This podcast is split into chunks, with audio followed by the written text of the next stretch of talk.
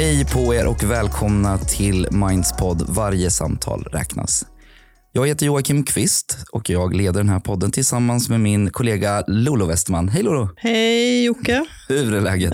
Läget är bra Ja, idag. Vad bra. Det är en spännande dag idag. Verkligen, för idag så ska vi prata om det viktigaste vi har på Mind skulle jag säga. Vi ska prata om Minds fantastiska volontärer. De som Verkligen. sitter i, ja, men i våra stödlinjer och tar emot eh, samtal och chattar från, från folk som behöver stöd. Exakt. Och om vi inte hade haft de här volontärerna, då hade vi inte haft någon verksamhet. Nej. Så enkelt är det. Det här är ju vårt viktigaste ben, kan vi säga. Absolut. Vi säger ju att vi jobbar med tre ben. Det är kunskapsspridning, påverkansarbete och stöd.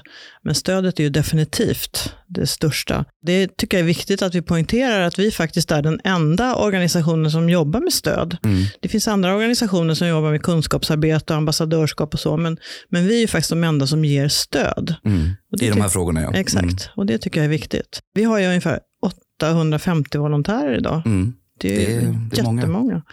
Och det är så häftigt tycker jag att det är så många människor som ger av sin tid. Verkligen. Helt utan ersättning, bara för att man tycker att det här är en viktig fråga. Ja, och de här 850 volontärerna är ju då utspridda i våra olika linjer. Vi har ju, vi har ju ett gäng nu. Den största är väl självmordslinjen då. Ja, ja, sen har vi äldrelinjen, vi har föräldralinjen, vi har våra senaste linjer som är livslinjen som vänder sig till unga. Och sen har vi Refugee Line som vi startade med anledning av eh, kriget i Ukraina. Sen har vi även eh, Mindforum som är ett modererat, ett modererat forum. Då. Självmordslinjen är ju vår absolut största linje idag. Mm. Och eh, äldrelinjen hade ju fyllde en jätteviktig funktion under coronapandemin. Mm. För då, då var det ju verkligen, då var vi nerringda. Och det var ett otroligt, eh, man märkte verkligen hur mycket äldre människor led av ensamheten. Verkligen, och det var, liksom, det var bra. Det var väldigt tydligt att det behövdes just under den. Jag är glad att, att äldrelinjen fanns under, under coronapandemin. Och eh, om man ska nämna lite siffror så är vi ju alltså, hittills, eller vad ska jag säga, det är från januari till augusti i år så har vi tagit emot eh, 74 000 samtal i stödlinjerna. Samtal och chattar ska jag säga. Ehm, och jag menar, om man jämför det, vad låg siffran på förra året? Alltså Men för hela vi- året. Exakt, då hade vi runt 83 000 det. mottagna samtal och chattar förra året. Så bara på ett halvår är vi nästan uppe i den siffran för året. Ja. Det känns fint att, att det ökar, liksom, att vi kan ta emot fler. Sen vet vi att trycket är superhögt. Och just som det ser ut nu i omvärlden med den osäkerhet som råder med krig och energikriser och ja, men, sviter av coviden. Det, det finns ju mycket som oroar människor idag. Så att vi märker att det finns ett fortsatt, fortsatt väldigt stort behov. Vi söker ju ständigt nya volontärer i och med att som sagt, trycket är så himla högt. Och det är ju ett av, ett, en av anledningarna till att vi vill göra det här poddavsnittet är ju för att berätta om just volontärskapet och svara på frågor om ja, men en, Vad det innebär att vara volontär helt enkelt. ja, precis. För att inspirera flera. Och vi har bjudit in en av Minds fantastiska volontärer som heter Åse som vi ska prata med om det här.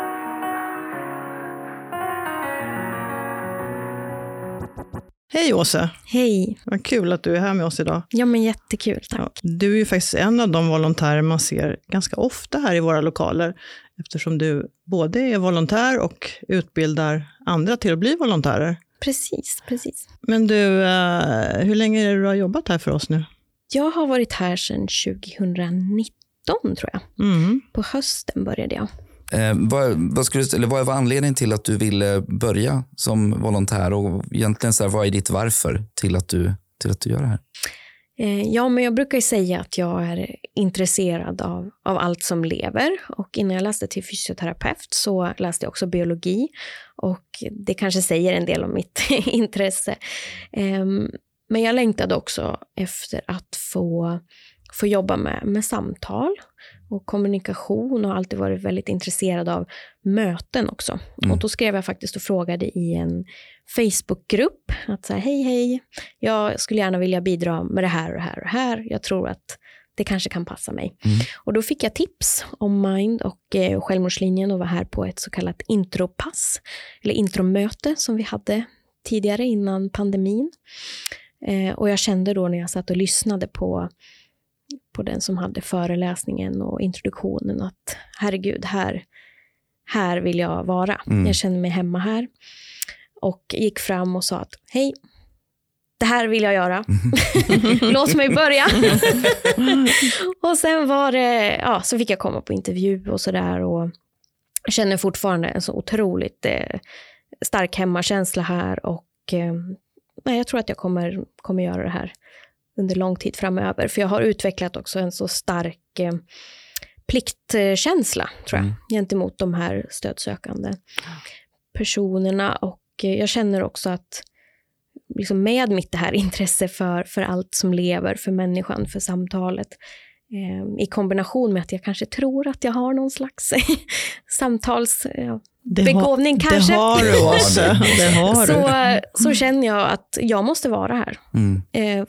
För att jag tror också att vi, vi människor blir, blir mer lyckliga och liksom tillfreds om vi kan göra sånt som går i linje med, med oss själva och vad vi tror att vi kan bidra med. Och det är väl det här jag tror att jag kan bidra med, mm. att vara, vara en trygg person som lyssnar. Mm. Det är skit, rent ut sagt. Mm. Um, så då ska jag vara här. Ja. Det är viktigt att veta att när man söker som volontär så får man också genomgå en ordentlig utbildning innan man börjar, så att man får de verktyg man behöver för att känna sig trygg i de här samtalen.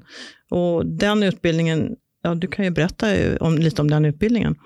Ja, precis. Jo, men vi har ju ett, ett gediget eh, ansökningsformulär till att börja med, som man får fylla i om man då har kollat på en hel del material som ligger på vår hemsida.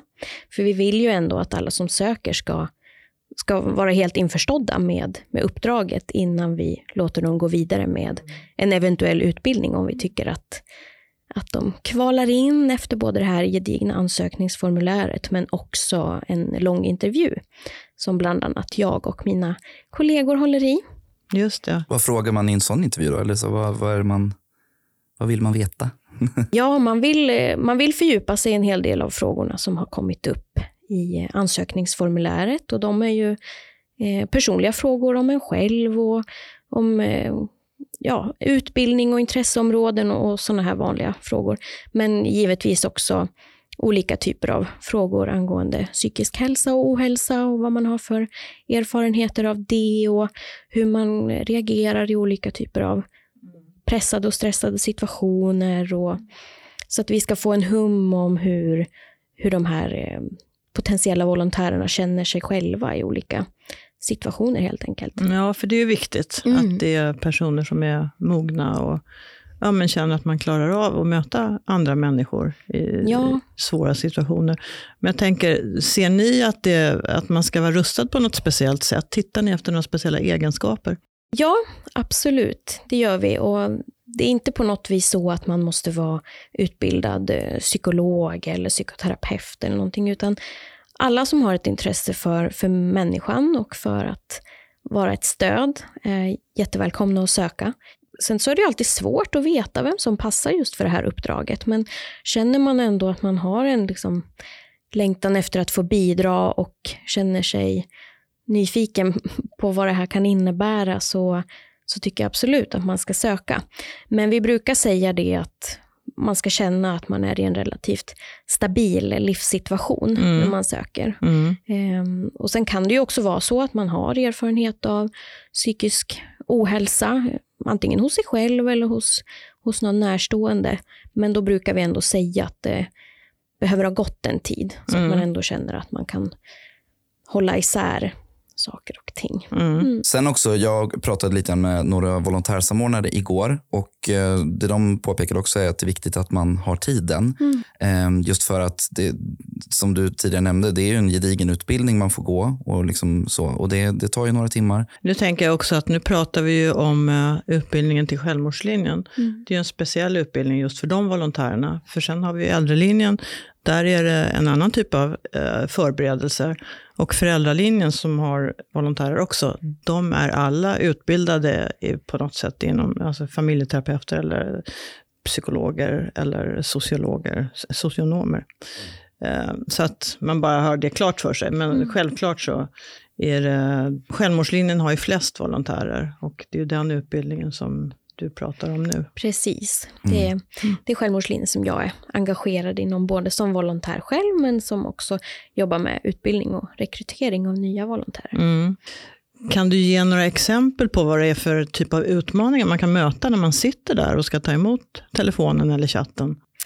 Ja, absolut. Och den, den största utmaningen är att man faktiskt aldrig kan förbereda sig på vad, vad man möts av när man svarar i, i telefon eller i chatt eller sådär. Mm.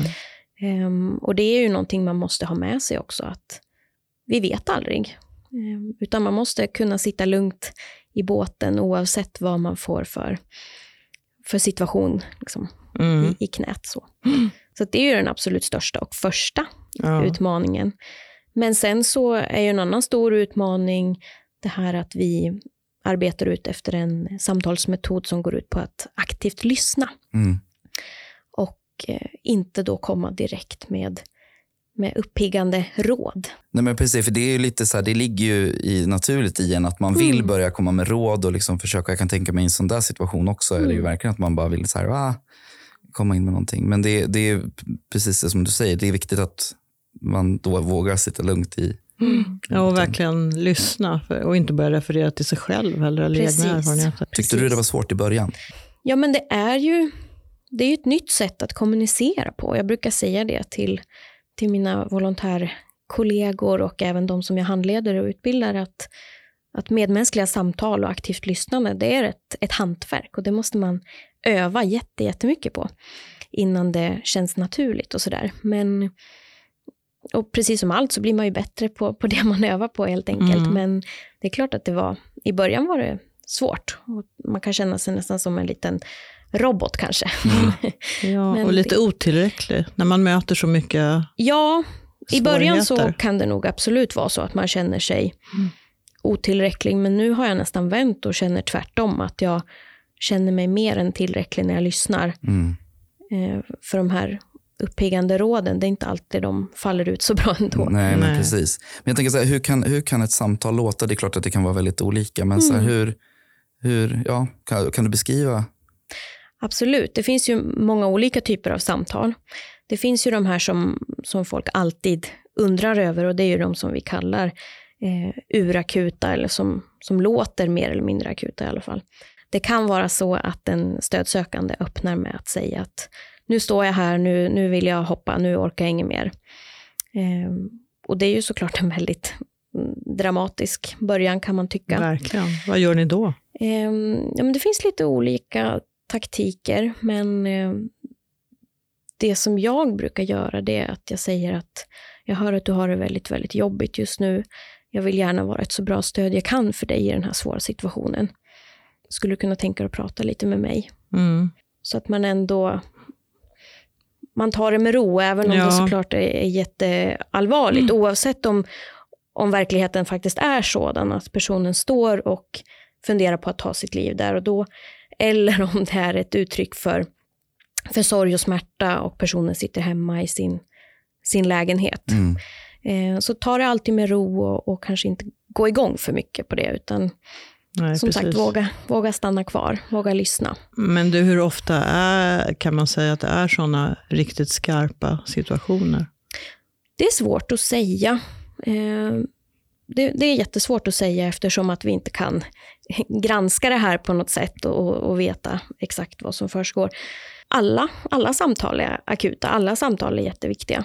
Vi, oavsett så tar vi alla samtal på, på största allvar såklart. Mm. Eh, så att det, det är svårt att säga eh, faktiskt. Mm. Men eh, sen har vi ju andra typer av samtal som kanske är lite mer vanliga och det är ju de här som, som ringer in och beskriver den här totala hopplösheten, eh, meningslösheten med, med livet och som inte känner att de har någonting att leva för helt enkelt. Mycket ofrivillig ensamhet, eh, socialt utanförskap. Men det, det, finns ju inga, det finns inga begränsningar där, Nej. utan man är ju alltid välkommen att höra av sig om man mår Absolut. dåligt. Däremot har vi ju själva satt en begränsning i längden på samtalet. Mm, mm. Nej, men det är en referensram kan man kalla det för snarare, tycker jag. Och det är just för att ibland så behöver samtalen ta längre tid. Eh, men sen är det också viktigt att komma ihåg att ett samtal blir inte bättre för att det är längre. Nej, precis. Eh, det, det kan ju vara helt tvärtom faktiskt. Eh, ett kort och kärnfullt samtal kan göra jättestor skillnad. Men vi har som, som ram i alla fall att ett telefonsamtal ska vara ungefär 30 minuter och ett chattsamtal ska vara ungefär 45 minuter. Nej, men skälet till att vi också har en, sett en tidsbegränsning är ju för att det är så väldigt, väldigt många som ringer och som vill komma fram. Och vi vill ju försöka hinna med så många samtal som möjligt. Så om det var 83 000 samtal som, som ringdes eh, och togs emot så var det ju säkert över 200 000 som inte kom fram. Ja, ja det är enormt stort behov verkligen. Exakt. Mm. När vi pratar om självmordslinjen så kan man ju då som sagt både ringa in och man kan chatta. Ehm, du, sitter du och svarar på båda? Liksom, brukar du variera lite eller hur, hur är det för dig? Jag varierar lite, men sitter framför allt i telefon. Skulle du säga att det är stor skillnad på hur man, hur man jobbar och hur man bemöter liksom, personer beroende på om det är telefon eller chatt? Absolut, det, det är det verkligen. Och det är återigen till det här hantverket som jag kallar de här medmänskliga samtalen för. Um, och det är klart att man, man behöver arbeta olika beroende på om man sitter i, i chatt och i telefon. Mm. I telefon som jag då prefererar så är det ju väldigt mycket så att man också lyssnar efter icke-verbala signaler. Um, och man kan också visa sitt stöd genom att göra såna diskreta mm, positivförstärkningar. Alltså humma och mm. man kan nästan nicka lite i, i luren för det brukar ändå mm. kännas i kontakten på något sätt. Mm. Eh, medan man såklart i chatt måste vara mer konkret i sitt stödjande så att säga. Just det. Ja, för jag tänker själv att så här, jag skulle gärna liksom sitta i, i stödlinjerna och sådär men, jag, men jag har lite den känslan att så här, gud, jag vet inte, skulle jag våga ta telefon? För att jag, i chatt så känner jag mig väldigt trygg. Jag har ju, ska sägas också att jag har ju gått eh, halva den här utbildningen, den mm. delen av vår volontärutbildning. Jag har inte gått, gått klart det, men jag ska göra det. Eh, för att jag vill kunna sätta mig och ta emot eh, samtal. Men det är just det där, jag tycker att det känns lite läskigt just med telefonen för att det blir så himla direkt och man har ingen tid att tänka efter. och, så eh, och Det kan jag tänka mig att här, om man funderar på att söka söka, om man vill ansöka till att bli volontär, att det kanske är ett hinder att man tänker liksom att, så här, um, att man känner det här att äh, men ja, jag vill gärna göra det här men, men om jag måste sitta och ta emot samtal, så, telefonsamtal så kanske jag inte törs göra det. och så där. Det. Är, är det vanligt att, man, att folk är oroliga för det och skulle du säga att så här, kommer man över det eller hur kommer man över det? Ja, vilken bra fråga. Och den, den oron brukar jag också få uttryckt eh, till mig på de här handledningspassen, som man, eller intropassen som vi kallar det, innan man får eh, komma ut i verkligheten, så att säga, innan man blir självgående mm. i att ta de här stödsamtalen. Och då är det just det att herregud, hur ska det bli när jag hör den andra personen svara på andra sidan och, och sådär. Och för det första, så alla som vi åtminstone har tagit in då, som är godkända, som att de har fått gå den här utbildningen. Vi tror ju på dem och mm. det försöker vi verkligen förmedla också i både i utbildningen och sen också i de här handledningspassen. Att vi, vi tror på er som vi har tagit in och vi kommer att stödja er så, så gott vi bara kan. Eh, men min upplevelse är ändå att så fort man hör den här andra medmänniskan på, på andra sidan luren så det är så mycket som är så naturligt. Mm. Ja. Det är en människa, precis som, som vi andra, som, som behöver stöd. Och det kanske låter flummigt men för, för någon som inte har provat. Men det, det, det är liksom en, en generell uppfattning, har jag förstått det som, i alla fall de som jag har handlat, att, att det blev så naturligt mm. på något sätt. Mm. Att man bygger upp så mycket, och det är inte så konstigt eftersom att man, man vet ju inte Nej. hur det känns, Nej. såklart. Och då börjar man föreställa sig hur det ska vara om man blir nervös och, och sådär. Men det, det brukar gå över liksom, i samma sekund som, mm. som man hör att så här, shit, det här är, liksom, mm. det här är på riktigt. Mm. Liksom, och det, det är naturligt. Så att jag tycker att det har alltid gått bra, i alla ja. fall i mina mm. fall. Ehm, och med de volontärer som jag har handlat. Nej, men jag tänkte också att det, man får en annan kontakt med människor i telefon när man har en mm. röst också. Mm. Att det blir på något vis kanske lättare på, på ett sätt. Just ja. som du säger, det är de här underliggande signalerna man kan uppfatta på ett annat sätt än om man har en stum skärm framför sig. Men jag har också förstått att det kan vara en fråga om generations alltså att yngre människor som kommer som volontärer kanske har lättare att ta chatten för man är mer van vid det mediet medan man som äldre är vanare att prata i telefon. Verkligen. Det kan man tro. Nej, men ja, det kan man tro. Och så är det väl till viss del. Men jag har varit med i, i många fall där det har varit så att många som är från, från en äldre generation som kanske inte är så chattvana liksom, tycker att det är jättespännande och Ja, kul Mm, med chatten. Just det. Och eh, som känner att de får liksom, en positiv energi, att de får lära sig någonting Mm. nytt och att det är ett forum där de liksom, där det här med ålder suddas ut lite. Det. Mm. Och det är också väldigt härligt att, få lära sig något nytt. Även Men sen sättet. ser vi ju här också att det är många som eh, håller sig till sina volontärgrupper, för man Mm. hamnar ju i en grupp då med kanske tre, fyra andra. Och eh, under coronapandemin fick man ju sitta hemma, så då blev det ju väldigt splittrat. Men eh, jag upplever att de som håller ihop i grupper och som sitter här, de kan också vara ett stöd för varandra väldigt mycket under jobbiga eller efter jobbiga samtal. Att de kan debriefa och prata med varandra. Att de tycker liksom, ja, men de värnar om sin lilla grupp när de kommer hit. Ja, det tänkte jag också vi- ville fråga dig om. För Du kan ju kanske berätta hur det ser ut. Och, och även då om man har haft jobbiga samtal så finns det ju stöd för volontärerna också. Ja, men visst. Och det är ju någonting som vi tycker är super, superviktigt, för vi investerar ju mycket i, i våra volontärer och vi vill att de ska må så bra som möjligt i sitt uppdrag. Och det gör vi på många sätt. Dels det som du pratade om Lollo. att vi, vi vill ju att alla ska signa upp på ett pass varannan vecka som är fyra timmar långt. Och tanken med det är ju att man ska få sin lilla, sin lilla volontärkollegsgrupp som man kan känna igen och liksom lära känna lite grann oavsett om det är liksom på plats i ett kontor eller om det är digitalt. Eh, så att man ska känna igen namn och ansikte gärna och att det ska bli som en, en trygghet helt enkelt. Och tanken också med att ha sina volontärkollegor det är ju att vi kan hjälpas åt helt enkelt. Ehm, att vi kan prata lite med varandra efter samtalen och känna att, att man får dela sånt som har varit jobbigt eller som har känts svårt och som man kanske behöver lite, lite input och lite stöd kring. Men sen så har vi också en, en förmån att vi har ett avtal med Sankt Lukas-stiftelsen eh, som bemannas av legitimerade psykoterapeuter dit vi kan ringa dygnet runt för att få samtalsstöd. Och det är ju också ett, ett viktigt sätt för oss eh, att få, få nya perspektiv och, och stöd i vårt arbete helt enkelt.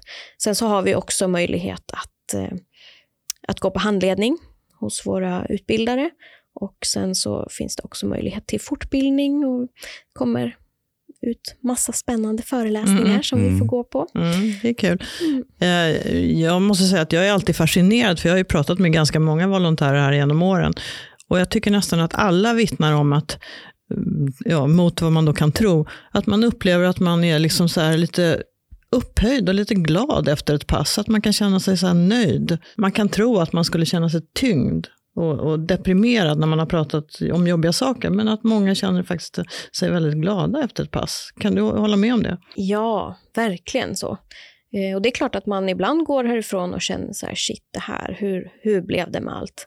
Men majoriteten av, av kvällarna när jag går hem så känner jag mig glad och uppfylld och eh, en, en stor känsla av meningsfullhet. Mm. Ehm, Precis, det där tror jag är ett nyckelord Mm. faktiskt, att känna meningsfullhet. mm. För det tror jag är så många som saknar. Mm. I vår Verk- tid. Ja, ja, verkligen. Och känna att man bidrar faktiskt till att göra något.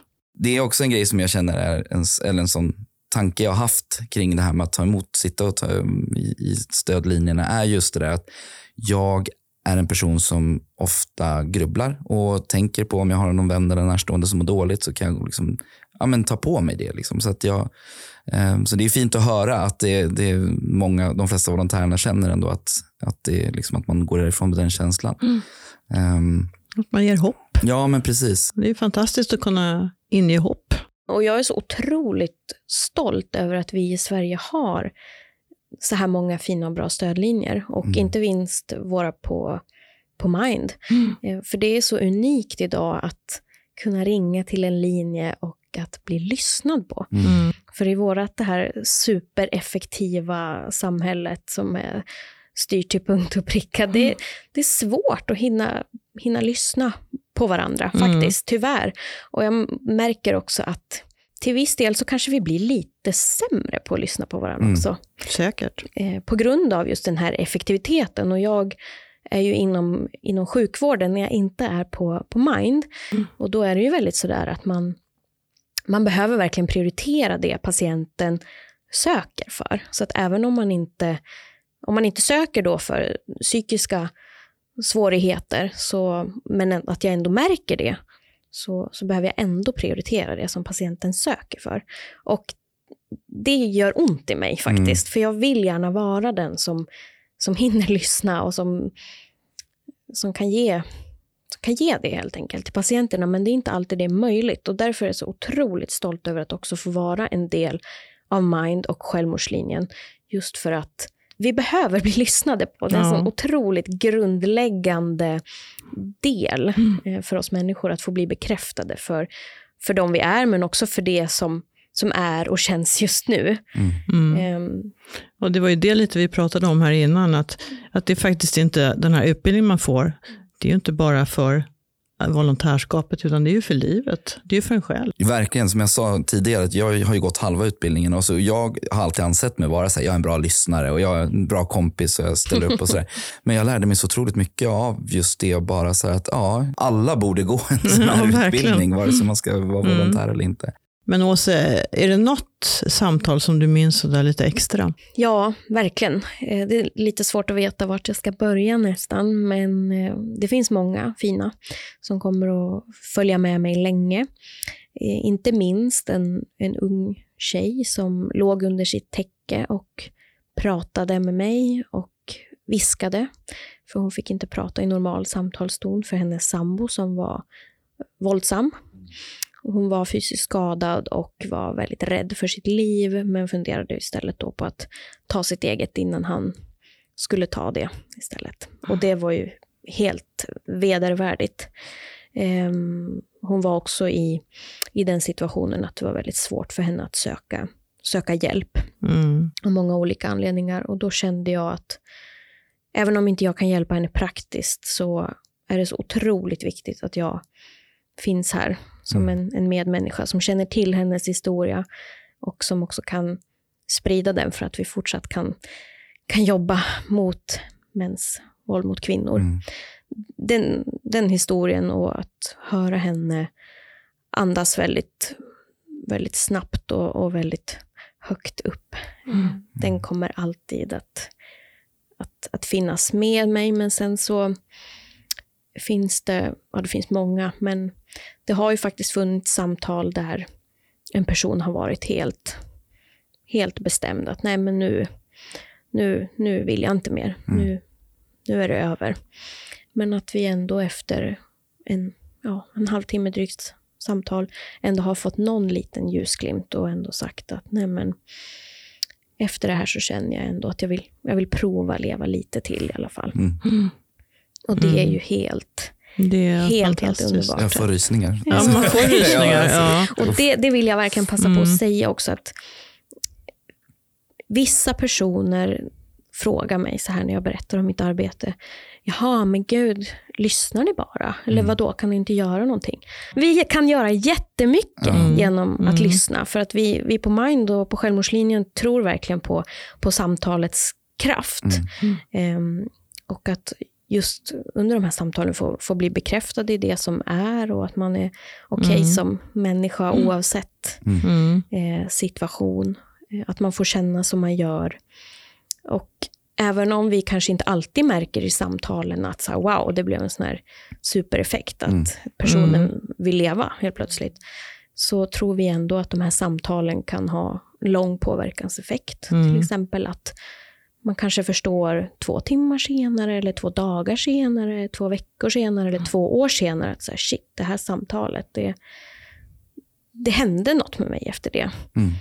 För, för det vet vi ju alla att man förstår inte alltid allt på en gång. Det tar ett tag att processa Ja, saker och ting. Mm. Och, men någon gång kanske det ändå kommer till en så här, shit men gud, när jag pratar med, med den här personen på självmordslinjen så då sa ju hon så här och så här. Och så kan det ändå Ja. tändas Kan- ett hopp. Exakt. Mm, Så att verkligen. vi, vi hoppas ju att vi på självmordslinjen kan åtminstone få vara ett litet frö. Mm. Att vi kan få så ett frö. Och sällskapa en stund med en Verkligen. person i det där mörkret. Mm. Gud ja, Att det verkligen. kan ha sån betydelse. Mm. Och det är ju en så otroligt stark, eh, liksom rent biologiskt viktigt att, att få, få vara med, med människor.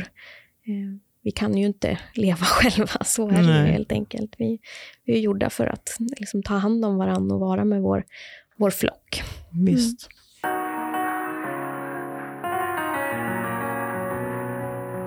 Ja, men så sammanfattningsvis då, Mm. Åse, vad ska vi säga? Om vi nu vill uppmuntra de, de som lyssnar att söka som volontärer här, så är det några grejer så här. Vi ska vara, man måste vara fyllt 23 Mm. och man kan ju ta samtal var som helst i landet. Mind har ju sex kanslier runt om, så att det spelar ingen roll var du bor någonstans. Nej. Och just eftersom det är digitalt så kan man ju alltid lösa det. Och är du intresserad av att söka så, och eller vill veta mer om det så kan du gå in på vår hemsida mind.se bli volontär.